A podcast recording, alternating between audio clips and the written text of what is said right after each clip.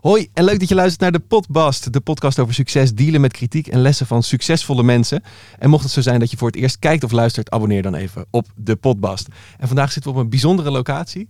Uh, het is niet het domein van GTST, wat je net zei toen je binnenkwam. Nou, ik stapte hier binnen en toen, uh, het is de eerste keer dat ik jou zie. En toen zei ik als een soort ware fan, uh, het is, het, ja, ik zie opeens degene achter de stem. Want ik luister heel veel naar de podcast, uh, vooral als ik aan het wandelen ben. Dus ik heb echt al heel veel podcasts uh, van jou uh, gehoord. En dus ook je stem. En nu zag ik je en begon je te praten. En dacht ik ook, ja, het is gewoon bijna een beetje alsof je het decor van GTST instapt, terwijl je dat altijd op de bank thuis kijkt. Het groupieschap wordt wel eigenlijk nog iets groter. Want jij hebt mij twee dagen geleden, ik heb gedroomd over de podcast. het wordt steeds gekker. Ja. Nou, het wordt steeds gekker. Ja, ik, ik droomde toevallig ik droom altijd heel veel over mijn werk. En uh, Mattie die zegt ook wel eens, oh mop, je moet echt minder werken. Want je droomt alweer over werkgerelateerde dingen. Um, maar jij kwam even voorbij in mijn droom. En ook dat je een assistente had. Uh, die alles voor jou regelde en alles opzette. En prompt, ik kom hier aan. En jij hebt daadwerkelijk ja, een assistente, dat is misschien eigenlijk een, een te laag om Fleur zo te noemen. Maar Fleur regelt hier ook alle opzet met de, de video en zo. Zeker. Dus ik heb toch een soort voorspellende droom gehad. Zat er nog meer voorspelling in de droom? Nee, ik werd volgens mij toen wakker. Nou, laten we dan maar kijken hoe het afloopt. Ja. Volledige naam. Marike Jolande Elzinga. Leeftijd. 34. Beroep. Presentatrice. Bekend van. Radio en televisie. Verliefd, verloofd of getrouwd. Ik ben blij dat ik met dit advies niks heb gedaan. Je moet wel een keer gaan kiezen tussen radio en televisie. En dat hoorde ik van Ruud de Wild. Hij heeft dat helemaal niet kwaad bedoeld en hij weet daar ook helemaal niks meer van. Ik was toen op een um, talenten scoutdag bij Radio 538 en Slam. En uh, te gek dat ik daar was uitgenodigd. En op een gegeven moment, ik was geloof ik even met Ruud aan het kletsen, dat ik wat dingen deed bij de lokale omroep. Uh, zowel bij de AT5 als bij de lokale omroep ergens voor radio. Toen zei hij, ja, maar op een gegeven moment moet je wel kiezen. En toen dacht ik, nou ja, nee toch? Wat was voor jou de allereerste keer dat je in aanraking kwam met het presenteren? Uh, op de middelbare school in de derde klas. Toen heb ik auditie gedaan om de muziekavond te presenteren. En dat was bij ons op de middelbare school in Gouda echt altijd een enorm ding. Daar werd ook heel veel auditie voor gedaan. En uh, toen besloot ik, ik ga eens auditie doen om de muziekavond te presenteren.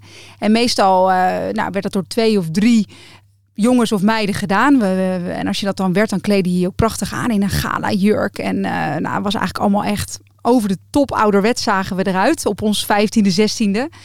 En toen heb ik daar auditie voor gedaan en toen kreeg ik de smaak wel echt te pakken. Als ik nu die videoband weer terug zou zien, dan is het natuurlijk uh, houtje touwtje en, uh, en, en veel te houterig allemaal. Maar toen wist ik wel, ja, dit vind ik echt heel leuk. Want wat was het wat je er zo leuk aan vond? Ja, ik denk dat ik het altijd al heel leuk heb gevonden om mensen te vermaken. En met het presenteren van die muziekavond hoefde ik niet. Ik heb later ook nog wel meegedaan met een soort uh, zang-dans-act, maar ik kan helemaal niet echt zingen. Um, en, en, en allerlei andere acts. Elk jaar was die muziekavond echt waar ik enorm naar uitkeek. Wat echt, nou, dat was het hoogtepunt van het jaar, zo vlak voor de kerstvakantie. Um, maar ik denk dat het niet voor niks is dat ik pas een keer door de audities heen kwam toen ik auditie deed als presentatrice. Omdat je ook gewoon een beetje de, de hey, de printer gaat hier in de studio af. Ik denk, dat we zijn hier in de studio wat aan het printen. Is het jouw draaiboek? Ja, nee, hij ligt hiervoor, ja.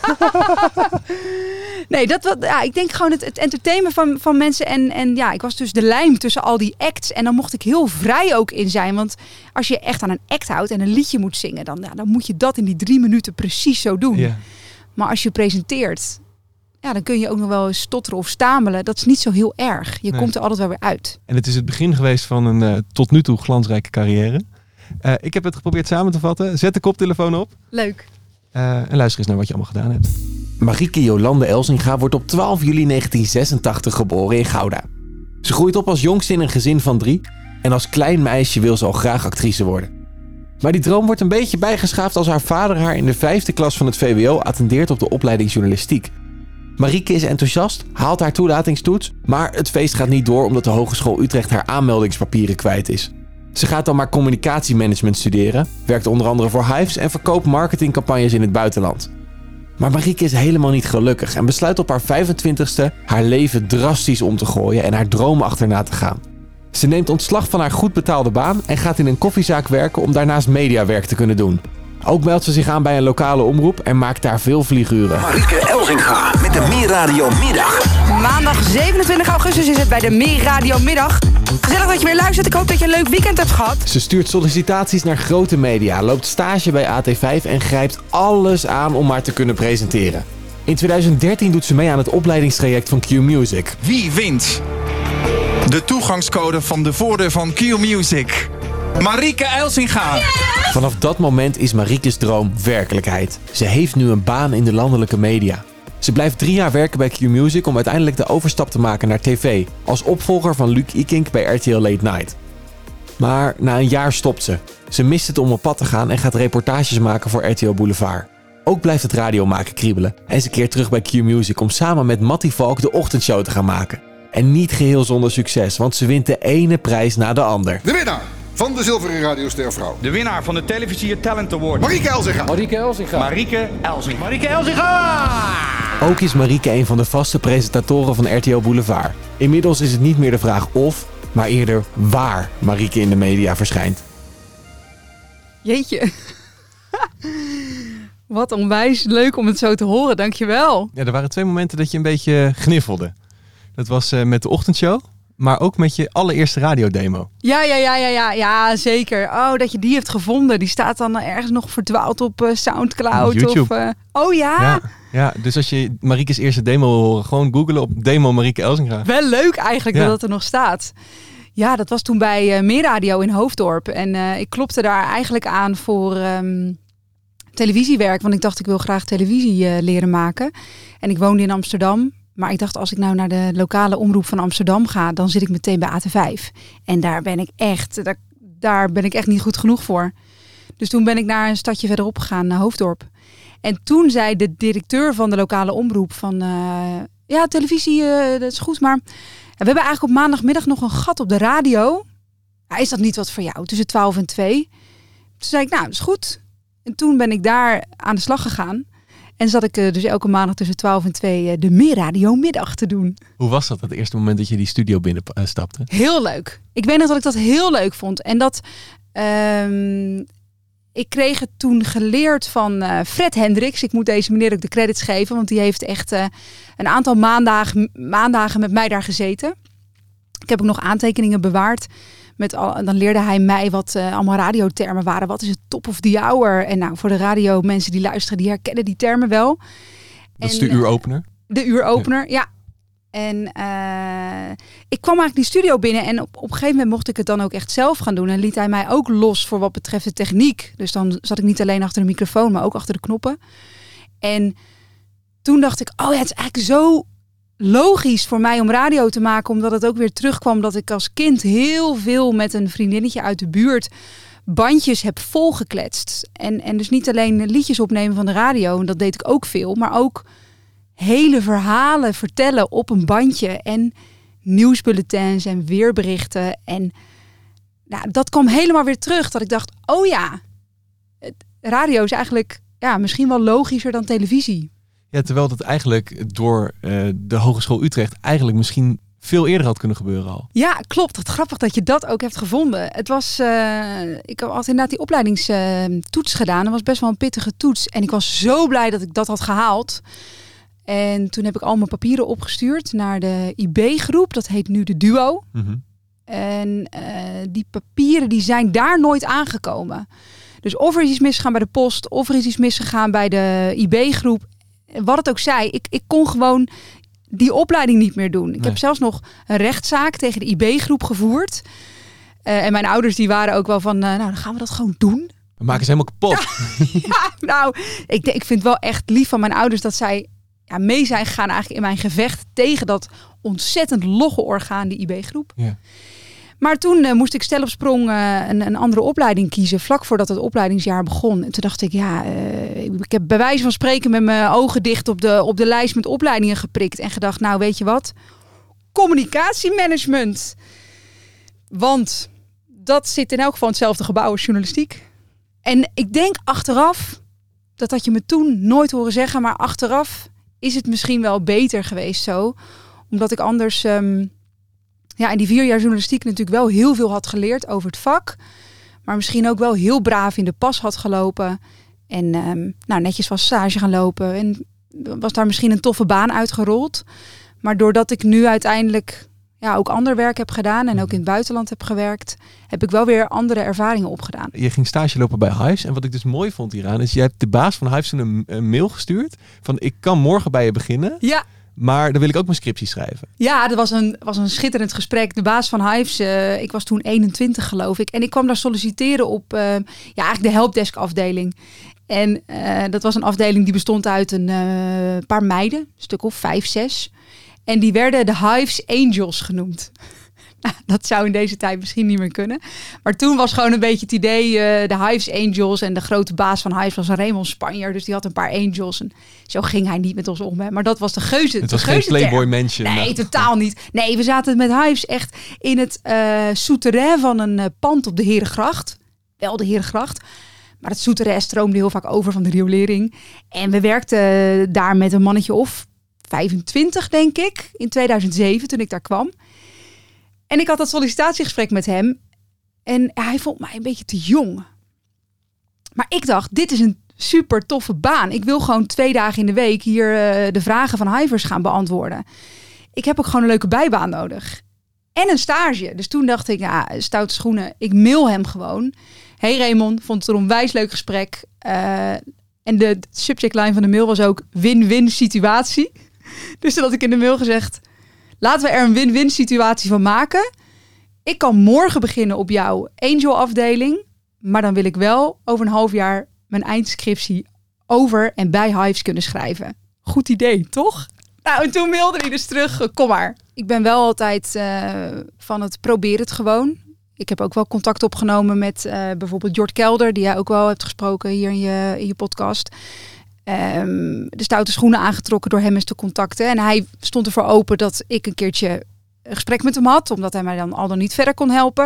Ik heb dat ook eens bij Lucille Werner geprobeerd. Die heeft mij Ook in de podcast. ook in de podcast gehoord. Die heeft mij toen een hele sympathieke mail teruggestuurd van joh, eh, ik krijg vaker dit soort verzoeken. Ik kan niet op alles ingaan. Nou, daar moet je ook eh, respect voor hebben. Dus ik ben wel van de school van nou, probeer maar gewoon en leg maar contact, maar doe het wel op jouw manier. Is het ook wel eens misgegaan? Dat iemand zei van, nou, sorry, maar hier heb ik echt, geen echt geen interesse in. Of jij met je brutale... Nou, ik kan me nog wel een keer een auditie herinneren. Ik heb denk ik rond mijn 5, 26e toen ik in dat koffietentje werkte, wat je net had laten horen. Eh, en daarnaast gewoon op zoveel mogelijk plekken probeerde een beetje een presenteerervaring op te doen. Toen heb ik ook allerlei audities en castings en zo gedaan. En toen had ik een keertje gereageerd op een casting voor presentatrice van een Kinderen voor Kinderen event. Weet niet eens meer precies hoe het zat. En daar moest ik dan voor eh, presenteren en een beetje dansen en zingen. Nou, ik dacht dat dansen en zingen, dat bluff ik, probeer ik wel doorheen te bluffen. En daar heb ik achteraf gezien, denk ik, echt een gênante casting neergezet. Ik had een soort roze jurkje aangetrokken en een soort roze hakjes eronder. En ik kan niet echt zingen en dansen. En toen heb ik later dus ook van haar een nee gekregen en gevraagd: wat was er dan mis? Want daar ben ik wel altijd van. Dat je vraagt van, nou, wat was er niet goed of waar kan ik van leren?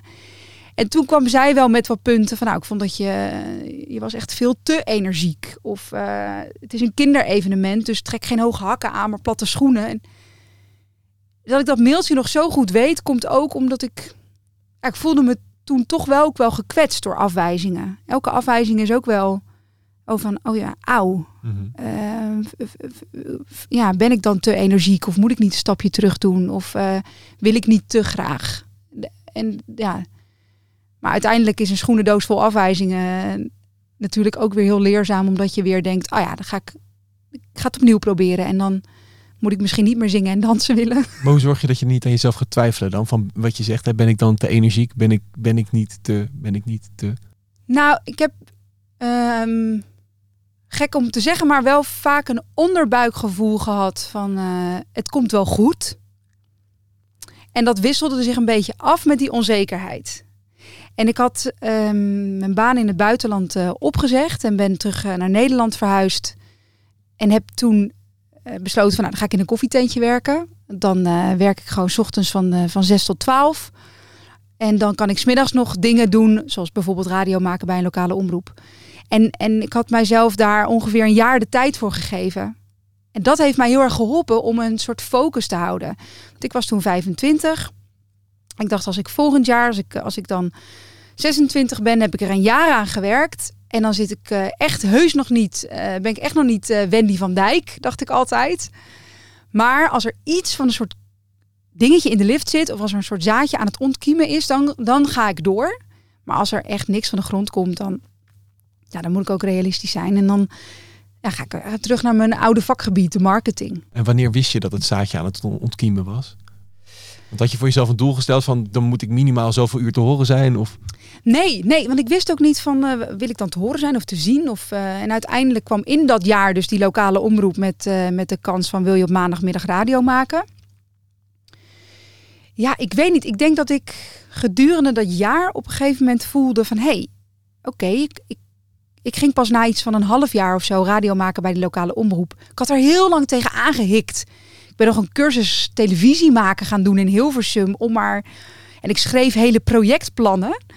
eh, waarin ik dan opschreef, ik zou graag dat willen. Of ik moet deze week in elk geval die persoon bellen. Of ik moet aan het einde van deze week in elk geval contact hebben gelegd met AT5. En al die to-do-lijstjes leiden dan uiteindelijk tot de lokale omroep. En uiteindelijk tot een stage bij AT5. En tot wat kleine presenteerklusjes Mhm. op kleinere podia. En op het moment dat ik werd uitgenodigd voor de mm, talentendag van Q Music en van 538, toen dacht ik wel, hmm, als ze me uitnodigen, als ze mijn demo van de lokale omroep oké vinden om me uit te nodigen, nou, dan kan er misschien wel eens wat in zitten. En toen won ik dus bij Q Music Q College. En toen had ik wel het gevoel van, oké, toen was ik ook ongeveer een jaar bezig. Toen dacht ik, ja, nu eh, moet ik doorzetten. Want hoe ging die auditie daar? Je kwam binnen en je, je zit bij een lokale omroep, maar iedereen die op zo'n auditiedag binnenkomt, zit bij een lokale omroep. Ja, Eh, je bent ineens niet meer de enige die dat ook, eh, ook doet natuurlijk. Hoe was dat? Weet je nog dat je het pand binnenstapte hier? Ja, dat weet ik nog heel goed, want ik woonde toen heel dicht bij Q Music. En eh, slecht geslapen, zenuwachtig natuurlijk. En ik moest hier op tijd zijn. Matty zat in de jury. Ik weet nog dat hij een hele wollen kabeltrui aan had. En eh, ik was zenuwachtig, maar ik was wel blij met de opdrachten die ik kreeg. Ik had geloof ik thuis wat voor moeten bereiden. En ik moest een improvisatieopdracht doen. En ja, ik had wel het gevoel, ja, ik heb het nu gewoon maar eh, gegeven wat ik kon. En de talentendag bij Radio 538 was geloof ik een week ervoor. Dus ik had wel mijn pijlen op Q Music gericht. En dat zeg ik echt niet omdat het nu mijn werkgever is. Maar ik luisterde ook altijd Q. En eh, de week ervoor bij 538 had ik ook een hele leuke dag gehad. Maar toen later kwam eh, bij 538 een nee vandaan. En eh, bij Q dus mocht ik ja, het, het, het college traject in. Ja, zo zie je dus ook maar dat wat je doet afhankelijk is van dat zeg maar als één nee zegt dat het niet per se nee hoeft te zijn. Nee, nee, nee, zeker niet. Nee, want je hoort natuurlijk van heel veel mensen die uiteindelijk eh, ja, doen wat ze het leukst vinden of, of waar ze goed in zijn. Of de mensen die jij hier in je podcast hebt. Dat er natuurlijk een heel scala aan nee's Ja. aan, aan, aan vooraf gaat. Ik heb ook een nee gekregen bij Q College hoor. Nee, Ja. dat meen je niet. Ja. Wanneer? Eh, volgens mij ongeveer dezelfde periode als jij. Echt waar? Ja, en jij maakt nu een ochtendshow en ik een podcast. Nou, hey, Hey, hier zijn we. hoppatee. Toch? Dus de nee van Q, dat kan je ver brengen. Ja, of de nee Of van de van 538, IB-groep ja. die, eh, die je afwijst om uiteindelijk journalistiek te gaan doen. Nee, maar dat is op zich wel een mooie gedachte. Hè? Want op het moment dat je de nee krijgt, dan denk je, ja, kut. Weet je, je wordt geremd eigenlijk in hetgeen wat je wil. Ja, Eh, maar uiteindelijk kan een nee er dus ook voor zorgen als je, denk ik, als je door blijft gaan en vertrouwen blijft houden in wat je doet, dat je wel misschien nog meer motivatie gaat krijgen. Ja, en het is op het moment dat je een nee krijgt, mag je natuurlijk echt wel even eh, ja, flink de balen erin hebben. Ehm, maar ik denk ook dat het eh, ja, doorzettingsvermogen is gewoon een heel groot gedeelte van ja, er uiteindelijk komen. Wat je, wat je ook wilt bereiken in het leven. is natuurlijk een mega cliché, maar het is een, een, een cocktail van ergens talent voor hebben. Ik, ik heb dus blijkbaar niet echt veel talent voor dansen of zingen. Nou, dat moet ik dus ook niet meer doen. Eh, daar word ik nooit de grote in. Doorzettingsvermogen en ook gewoon een stukje mazzel Ja. soms is het ook de ene net even de juiste persoon tegenkomen. ehm, die je dan weer naar het volgende stukje brengt. Bij Q College ben ik terechtgekomen omdat ik op een eh oudejaarsavond toch nog even op aandringen van mijn beste vriendin, toch nog even een drankje ging doen daar schuin tegenover bij die ene vriend, terwijl het al zo laat was. En bij wie komen we thuis? Bij wie is dat ene huisfeestje? Eva Koreman, die nu radio-dj is bij 3FM, maar destijds bij Q-Music werkte. En tegen mij zei, joh, anders dan eh, stuur je toch even een demo. eh, dan, eh, ja, misschien is Q-College wel wat voor jou. Nou, en dat is dan net dat ene huisfeestje, midden in die nacht op 31 december, is dan net weer dat stukje mazzel dat je ook soms moet hebben. Dus je weet eigenlijk nooit wanneer zoiets gebeurt. Maar het, het contact maken met mensen is dan belangrijk. Toch? Ja. Het netwerken. Ja, ja, voor mij is netwerken altijd heel belangrijk geweest. En ja, go out there en, en zorg dat je mensen ontmoet. En doe dat dus op je eigen manier. Als jij niet het type bent van heel direct op iemand afstappen. Misschien is een, een, een brief sturen naar iemand dan wel jouw manier. Ja. Maar ik vind, eh, ja, veel mensen leren kennen brengt je natuurlijk wel op veel plekken. Want laten we eens teruggaan naar dat marketingwerk van je, wat je deed. En op het, vooral het moment dat je toen dacht van, dit is het echt niet. Want je, je had dus echt een goed betaalde baan. Ja. Eh, eigenlijk viel alles eh, zoals het moest zijn. Behalve dat je het niet leuk vond. Ja, en ik heb er ook geweldige momenten gehad. Ik heb een jaar gewerkt voor een bedrijf dat eh, ehm, eigenlijk een soort eh, RTL Travel of, of You're in Travel-achtige programma's maakt. You're in Travel, ken je dat nog? Wow, You're in. Nee, er is een generatiekloofje denk ik. Ja, Ja. dat is lang Ja, geleden. Jorin ken ik wel, maar... kwam bij mij helemaal zo Ja. achter in mijn kop vandaan. Of drie op reis. Ja. Dat soort programma's. Maar dan, eh, dat maak, wij maakten films over Dubai of over Johannesburg. Ehm, om toeristen eigenlijk eh, te vertellen wat voor toffe dingen er te doen zijn in zo'n stad. En eh, samen met een collega en de oprichter van het bedrijf vlogen wij naar Dubai. Daar kenden wij bijna niemand. En was het aan ons om ja, drie ton aan inkomsten op te halen. Oh, en ik voelde die, die druk en die stress. Om dus maar marketing en sales deals te halen van allerlei leuke restaurantjes en, en toffe pretparken. Die wilden betalen om in die film te komen. En dat klinkt echt als een droombaan, want we mochten toch ook naar allerlei pretparken en naar toffe hotels en vette restaurants. Maar ik vond het toch wel heel intens om mensen iets te verkopen. Ook al ik verkocht ze echt geen rotte vis, hè, maar toch dat je een goed gesprek hebt, dat wij nu lekker aan babbelen zijn en dat ik dan toch aan het eind zeg: hey Bastiaan, eh, maar wil jij eh 10.000 euro investeren in dit project of 15.000 euro? Ja, ja, ja. Dus niet ja of nee, maar 10.000 of 15.000. En ik kreeg gewoon steeds meer soort van vlekken in mijn nek van, van ja, verkopen en ook weg zijn van thuis en eh, altijd maar aan het werk zijn. Dat ik gewoon steeds meer eh, de behoefte kreeg van ja, ik, hou dit eh, een jaar vol en dan eh, heb ik voor mijn gevoel dat netjes een jaar gedaan en dan ga ik weer lekker terug naar Nederland. Waarom is het zo belangrijk om iets netjes een jaar te doen? Nou, ik wil het niet zomaar opgeven. Nee, dat heb ik wel sterk. Dat ik denk, ja, nee, dan gaan we ook door ook. En dat bedrijf investeert in mij. Want eh, je, je leert niet zomaar om sales deals te sluiten met... eh, ik zat echt soms met hele eh, hoge pieven aan tafel... die dan in Dubai eh, dat hele palmeiland hadden, eh, hadden opgezet of zo. Echt van die grote vastgoedbazen.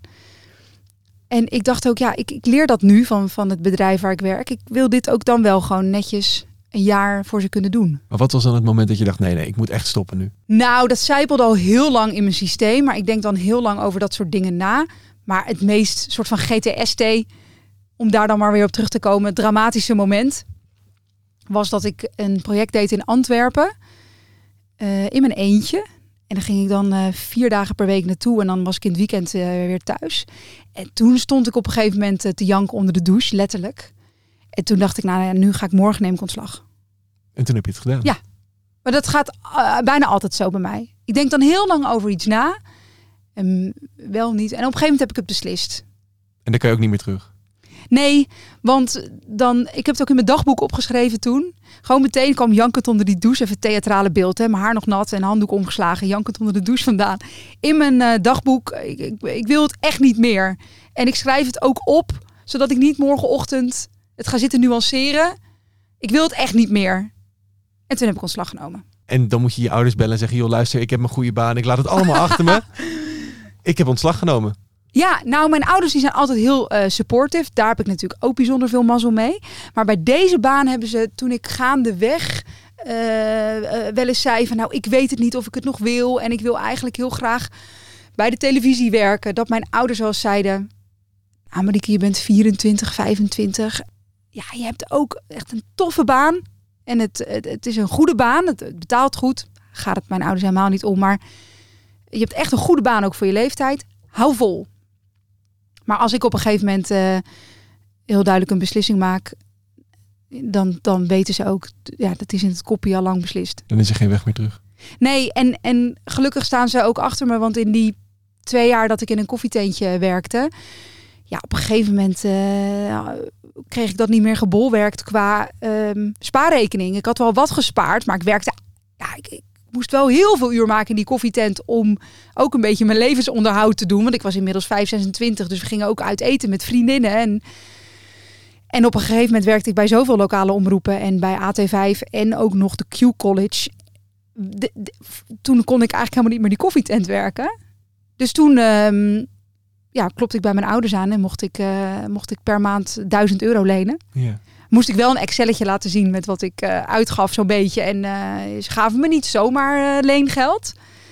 Maar toen zeiden ze, "Nou, is goed, ja, ga maar je droom achterna, dan, Ja. dan helpen we je wel. Vergrootte dat ook de drang om het te halen? Omdat je dacht, ja, mijn ouders die investeren er nu ook in. Ja, dat denk ik wel. Ook al was als ik het niet had gehaald, was dat totaal geen failure geweest tegenover mijn familie of zo. Maar ik weet ook nog wel dat ik heb uiteindelijk drie maanden bij ze geleend. Dus 3000 euro. En op een gegeven moment eh, mocht ik bij Q Music eh, vijf nachten per week echt komen werken. Dus kreeg ik gewoon echt een contract voor een nachtprogramma. En dat ik toen op een gegeven moment eh, niet meer 100 euro per week of per maand afloste bij mijn ouders. Maar dat ik tegen mijn ouders zei... jongens, ik heb het in één keer overgemaakt. Eh 3000 euro, veel plezier, vakantiegeld. en dat was wel, ah yes. Het is, eh, ik kan er nu echt mijn boterham mee verdienen. Het eerste definitieve moment was Q College dat je won, toch? Ja. Ehm, ik, ik, zag je ooit in een interview, had je gezegd dat eh, Ivan Reufkamp, de baas van, uh, nou, de programmabaas toen, dat hij tegen jou zei, we doen het rustig aan, wat doe je donderdag? Ja, ja dat, zo ging het echt. Ik had Q College gewonnen. Wij gingen twee dagen daarna met elkaar kletsen. Toen zei hij letterlijk dat. We gaan het rustig aan doen. Doe je donderdag op vrijdagnacht van drie tot zes nou, eh, ja, slapen, maar eh, liever hier zitten. En toen eh, zat ik van drie tot zes opeens eh, in de Q Music studio. En voelde het ook gewoon echt. Die studio was toen helemaal donker. En we hadden nog geen webcams, dus het licht hoefde ook niet aan. En helemaal donker in die studio. Overal die lampjes van dat mengpaneel. En eh, nou, de eerste drie kwartier bleef mijn collega van de paar uur daarvoor, die bleef bij me. En toen zei hij, hey, ik moet gaan, want eh, ik moet naar bed. Nou, en dan zat ik. En ik dacht alleen maar, ik hoop zo dat het vliegtuigje blijft vliegen. Ook omdat het, het zag eruit als een vliegtuig met al die knopjes. En ik dacht, als ik op de verkeerde knop druk, dan stort deze hele zender in om, om, om vier uur s'nachts. En je voelt je zo verantwoordelijk. En dat ben je ook. En nu denk je, joh, vier uur s'nachts. Maar nee, ik nam dat super serieus. En je moet ook. En ik nam dat lokale omroepprogramma ook super serieus.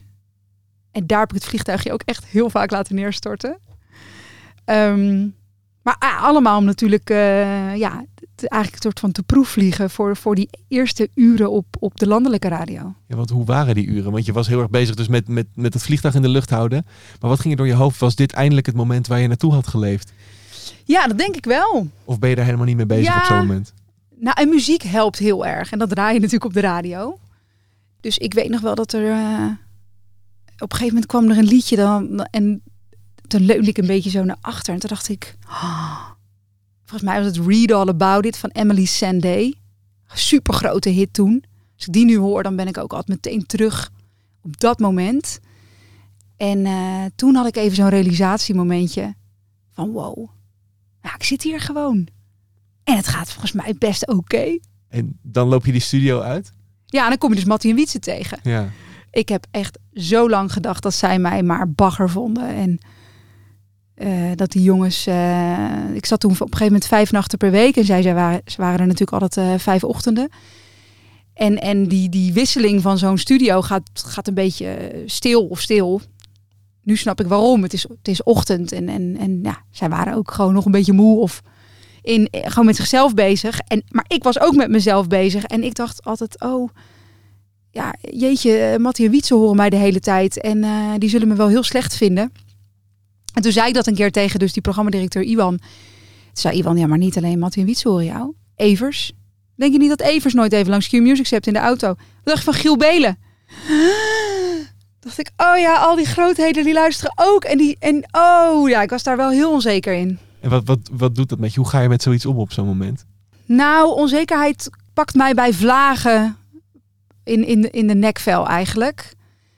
In de tijd dat ik eh, bij Q-Music steeds wel een stapje verder mocht groeien. En op een gegeven moment mag je dan naar, de, naar het weekend, in de, in de late avond en zo. Toen eh, zat ik hier denk ik een jaar of twee. En toen heb ik wel eens tegen Iwan ook in een gesprek gezegd van... wa- wat, wat vind jij nou eigenlijk van mij? Want ik had het gevoel van, ik weet het... maar. En toen zei hij ook eerlijk, ik weet het eigenlijk niet zo goed. Ik vind je bij vlagen heel goed. En op andere momenten luister ik en dan denk ik, nee. En ik waardeer heel erg dat hij dat toen zo eerlijk heeft gezegd. Omdat ik had al het gevoel van... Ja, wat, eh, zit ik er nou wel lekker in? Of maak ik nou nog wel progressie en zo? En hij, hij gaf mij dat toen eerlijk terug. En op een gegeven moment heb ik bij iemand aangegeven dat ik ook heel graag wilde werken aan televisie maken. En dat ik eh, een beetje aan het oriënteren was of ik bij ehm, de regionale omroep van Noord-Holland, RTV NH heette dat toen, kon gaan werken. En hij zei toen, doe maar. Ga maar, de- en als je wil kun je hier één dag minder. Eh, maar ga maar doen.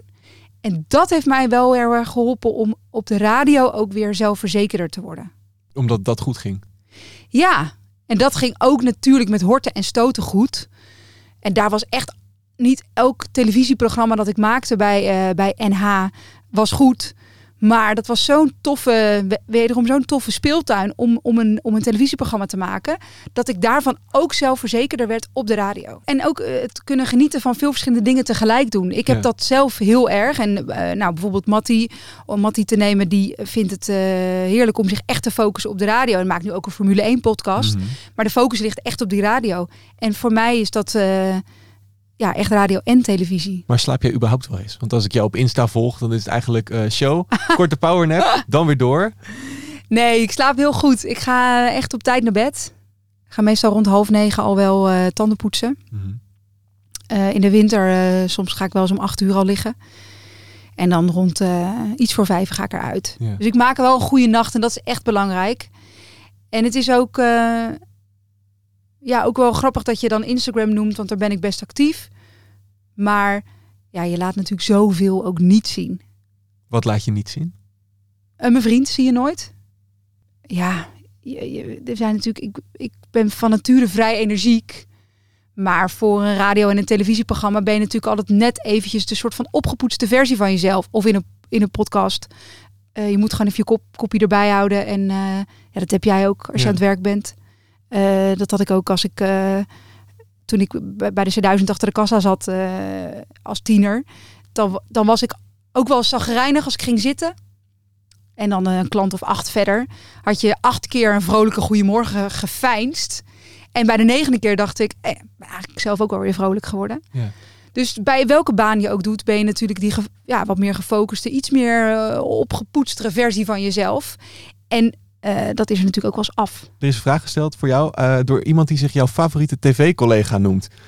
Dan ga ik nu de moeilijke vraag stellen. Wie kan dat zijn? Mijn favoriete tv-collega, Ja. Lucie Kink. Hey Marieke, Ehm Luc hier, je favoriete tv-collega.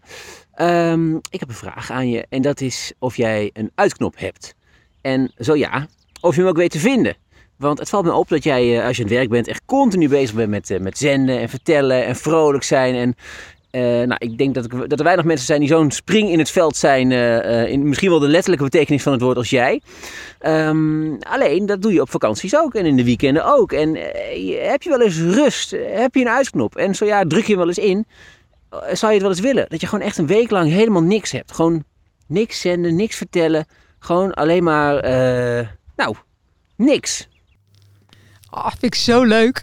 Vooral omdat Luc, ehm, Luc heeft dit opgenomen. Ik zie natuurlijk ook het filmpje op jouw Mhm. telefoon. eh, op de heide van Soest. Soesterduinen. Ja, de Soesterduinen. En dan gaat hij elke ochtend wandelen met Klaus, zijn hond. Dan neemt hij soms ook uh, Joka, zijn dochtertje, ook mee. En ik weet, Luc doet dat elke dag. Wat voor hem echt een... Volgens mij is dat een heerlijk moment om je dag te beginnen. Dus als er iemand goed is in dat, in dat weten te vinden in je dagelijkse routine... terwijl hij heeft een jong gezin en een drukke baan... dan is het Luc. Ehm, Maar heb jij die uitknop? ja, maar wel moeilijk. Ja, dus dit is altijd wel ook een, een, een werkpunt. Dus Luc stipt dit aan en Matt heeft dit ook wel een keertje bij mij, eh, of die stipt dit wel vaker aan. Ehm, nou, mijn vriend zegt het natuurlijk ook. Ehm, ik, ik, ik merk dat ik, het, dat ik het moeilijk vind om uit te gaan, terwijl ik ben bijvoorbeeld niet meer zenuwachtig voor een televisieprogramma of een, of een, of een radioprogramma. Ik kom van een radioshow of, of van RTL Boulevard niet vol adrenaline thuis. Dat je nog helemaal urenlang wakker bent van die adrenaline. Maar ik sta denk ik toch nog meer aan dan dat ik denk. En, en daar ben ik me dus niet zo van bewust. Maar ook van dit, uh, van dit gesprek ben ik waarschijnlijk nog langer aan dan, dan, ja, dan dat ik denk. En dan kan ik dus moeilijker die uitknop vinden. Dus dat uh, resulteert uh, wel in dat ik spanning heb in mijn kaken bijvoorbeeld. Uh, of dat mijn ademhaling slecht is. Want ik ben er ook wel voor naar een soort kaakfysiotherapeut geweest. Een logopediste die me dan hielp met kaakmassages. En, maar ik denk dat het, het, het komt vooral uit mijn koppie ja. eigenlijk. Nee, maar dat herken ik zelf heel erg. Vandaar dat ik ook heel geïnteresseerd was op, naar het antwoord omdat uh, eigenlijk als ik zit, dan dendert het hoofd altijd door. Ik denk dat creatieve mensen dat sowieso wel vaak hebben.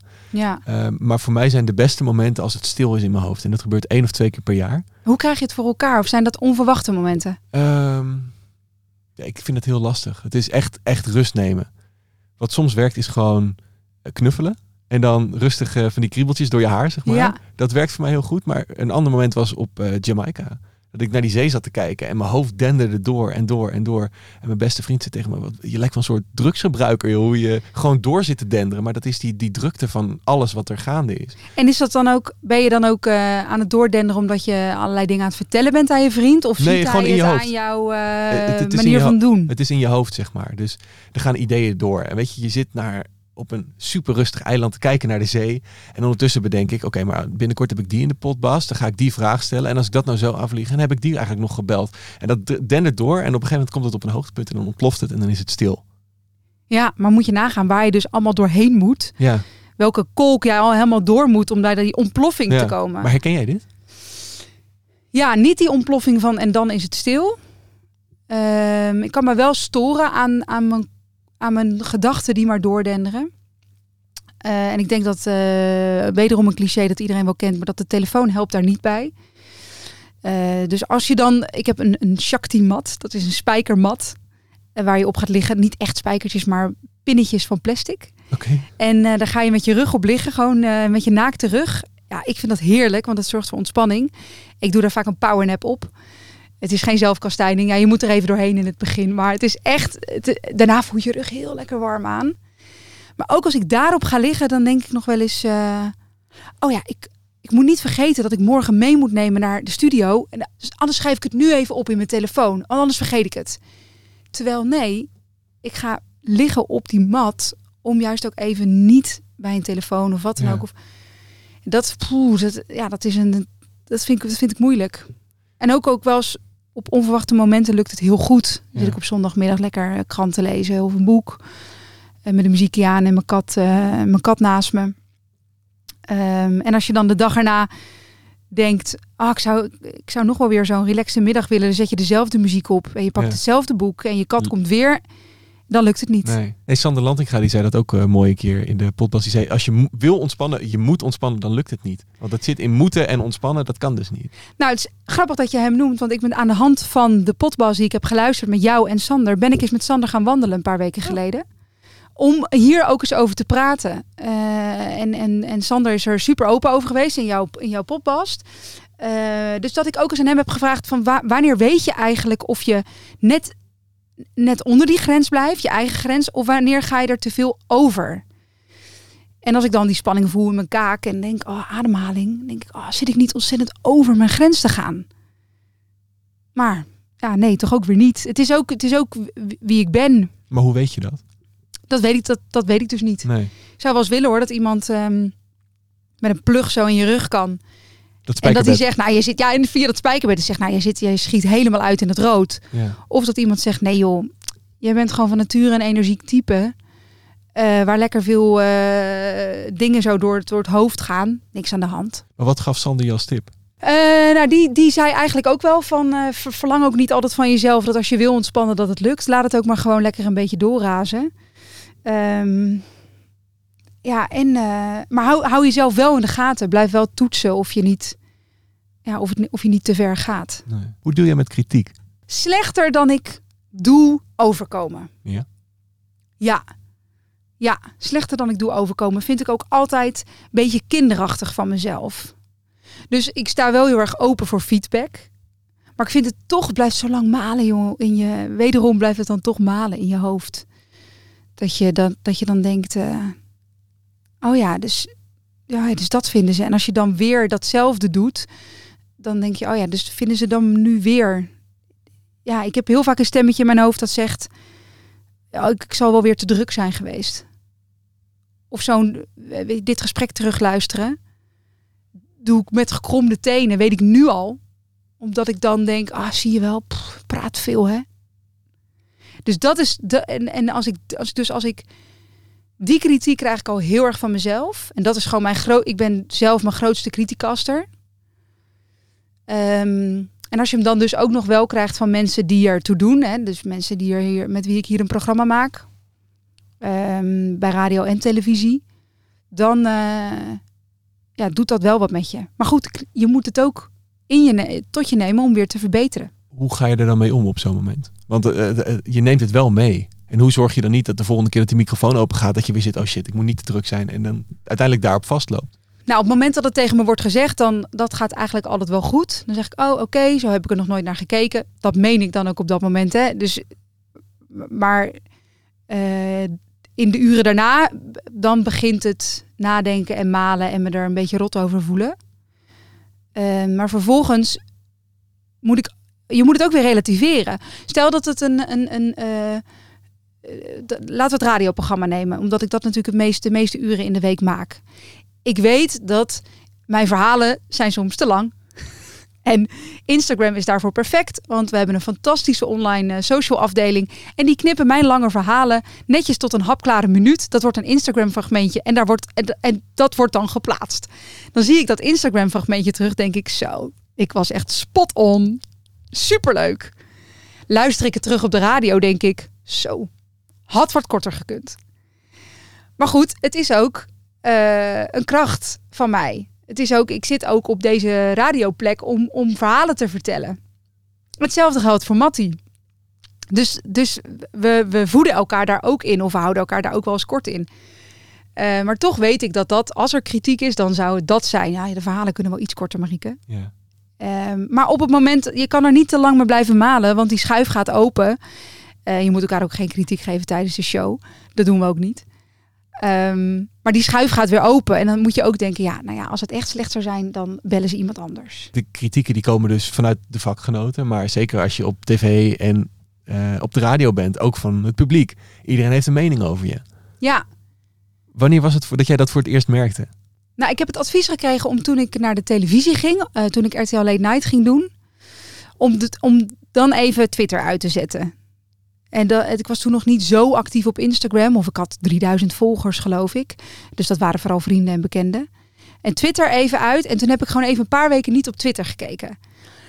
Eh, ik weet nog dat Linda de Mol, toen die was de gast in de eerste week dat ik bij RTL Late Night eh, stond daar. En bij Late Night, mocht je het nooit gezien hebben, ik was daar, ik nam Luc Ikink over. Nou, er waren echt enorme schoenen om te vullen. En ik deed daar eh, een beetje het nieuws van de dag en een soort social blokje. Wat gebeurt er online?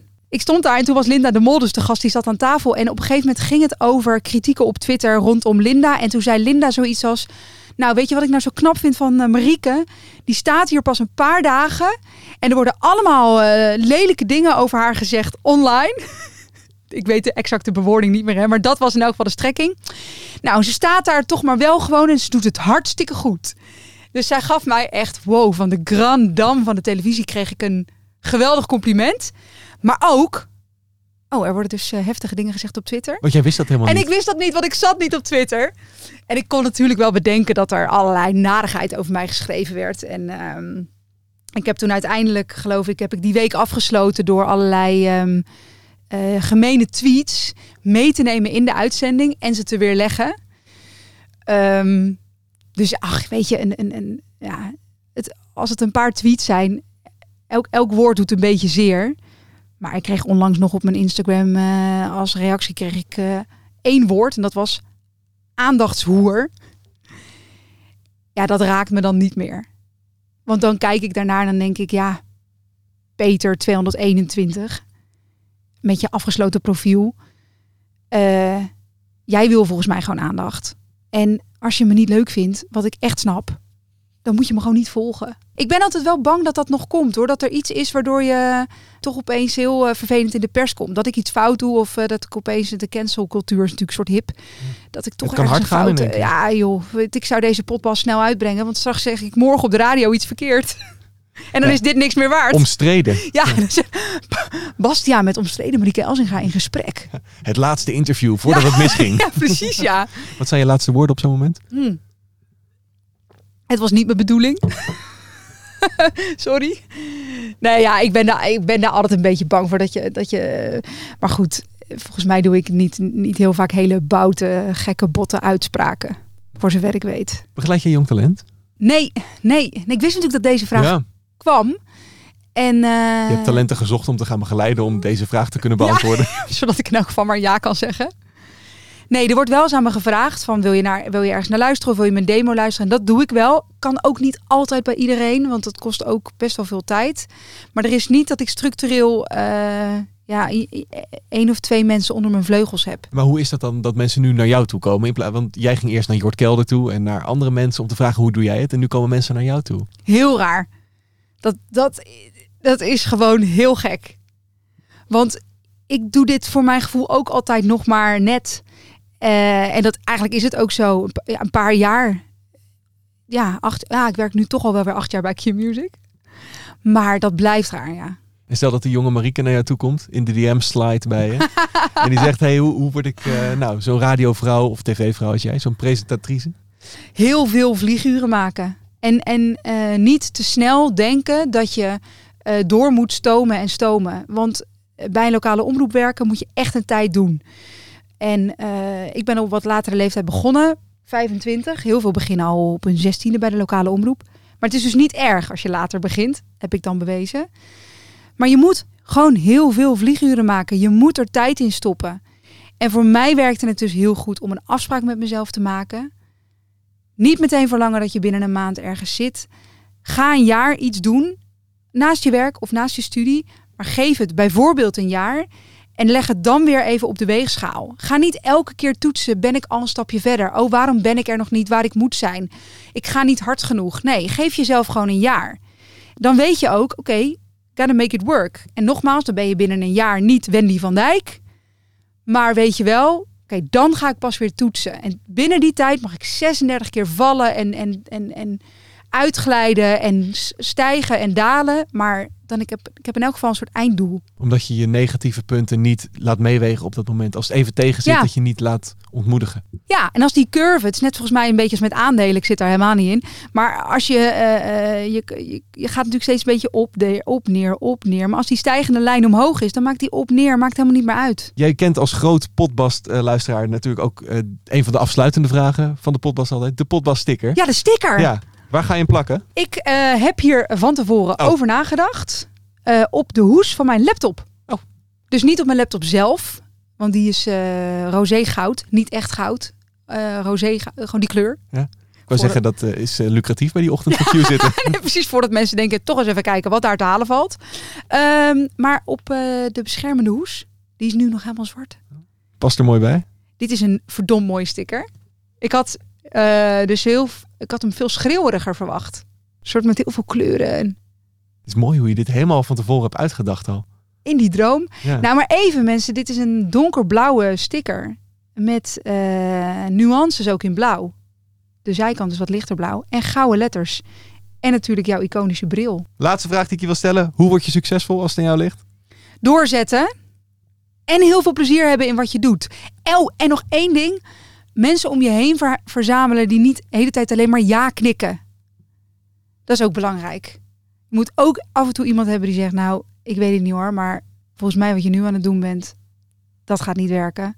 En ook als je succes krijgt, moet je al helemaal van dat soort mensen om je heen hebben. Dus niet opeens, stel dat je bij de televisie wilt gaan werken, alleen maar vrienden maken in Hilversum. Want het is echt veel belangrijker om gewoon nog steeds met eh, je vriendjes en vriendinnetjes uit groep 1 in de zandbak te spelen. Dat is echt veel meer waard. Marieke, dankjewel. Jij ook? Dankjewel. Was het een beetje zoals de droom? Daar zat geen einde aan natuurlijk. En meer. Maar waar is de GTSD cliffhanger? Oh, die mag je nu geven. Oh jeetje. Nee, zie ik ben geen actrice. Ik faal weer hopeloos. Wordt ze gecanceld of niet? Zo spannend.